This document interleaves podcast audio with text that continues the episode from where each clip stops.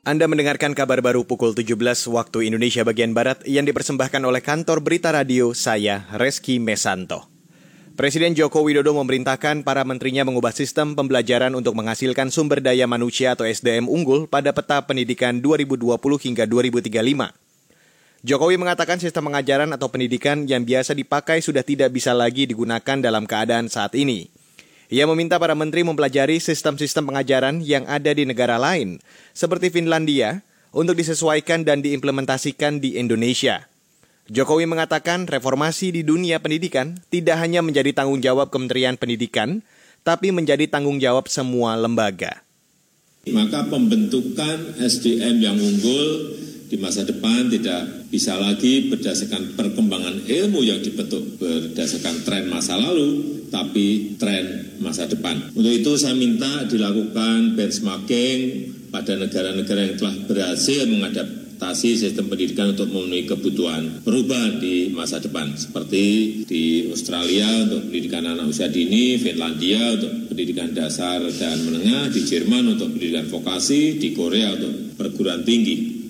Selain ingin mengubah sistem pengajaran, Presiden Joko Widodo juga memerintahkan ada penguatan pendidikan karakter dengan nilai-nilai budaya Indonesia dan Pancasila untuk pembentukan mental anak bangsa.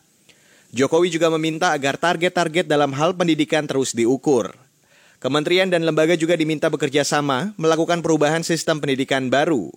Dengan begitu, diharapkan ada perbaikan dan pemerataan pendidikan di Indonesia. Secara rinci, Jokowi meminta ada target perbaikan kualitas guru, perbaikan kurikulum hingga infrastruktur sekolah. Beralih ke kabar selanjutnya, belasan rumah di kota Sabang, Aceh, rusak akibat guncangan gempa berkekuatan 3,8 magnitud yang terjadi Kamis pagi. Pusat gempa berada 5 km di sebelah tenggara Banda Aceh. Kepala Bidang Kedaruratan Badan Penanggulangan Bencana Daerah atau BPBD Kota Sabang, Budiman, mengatakan, gempa pagi tadi membuat warga panik, apalagi sejak pagi hingga siang, wilayah Sabang beberapa kali dilanda gempa susulan.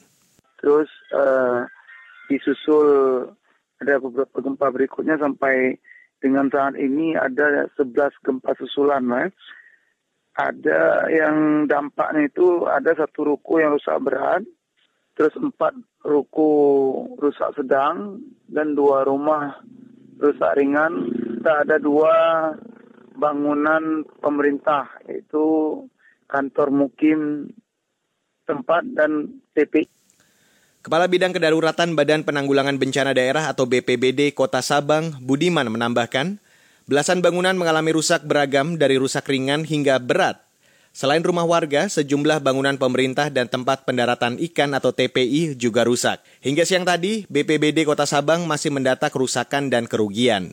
Sedangkan sejumlah warga membersihkan puing-puing bangunan yang roboh.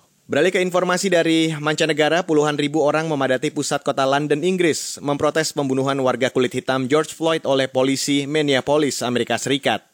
Mereka menolak perilaku rasis aparat kepolisian terhadap kulit hitam. Pada aksi itu, mereka juga menuntut keadilan bagi Floyd dan hukuman setimpal bagi para polisi yang terlibat. Dalam aksi itu, banyak warga mengekspresikan kemarahan mereka dengan berlutut dengan satu kaki. Posisi ini populer di kalangan para pemain football Amerika tahun 2016 sebagai sikap perlawanan terhadap polisi rasis. Mereka juga mengibarkan spanduk bertuliskan rasisme adalah masalah global. George Floyd kini menjadi simbol perlawanan terhadap rasisme di Amerika Serikat. Demikian kabar baru KBR saya Reski Mesanto.